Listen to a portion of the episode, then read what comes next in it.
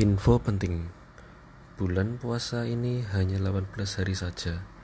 Mengingat sedang ada wabah yang sedang menjangkit negara kita. Hah? Penjelasannya gimana? Oleh karena itu, untuk seluruh warga Indonesia, ini jangan jadi perdebatan di antara kita. Sebab memang ini sudah takdir dari Yang Maha Kuasa. Adapun sisa yang 12 hari dilanjut bulan Mei demikian informasi anjir. Bener sih. Atas perhatiannya kami ucapkan terima kasih. Ya karek kue cok baca. Ya sisanya bulan depan ber vlog sangat informatif. Ya elah ya elah. Sabar cok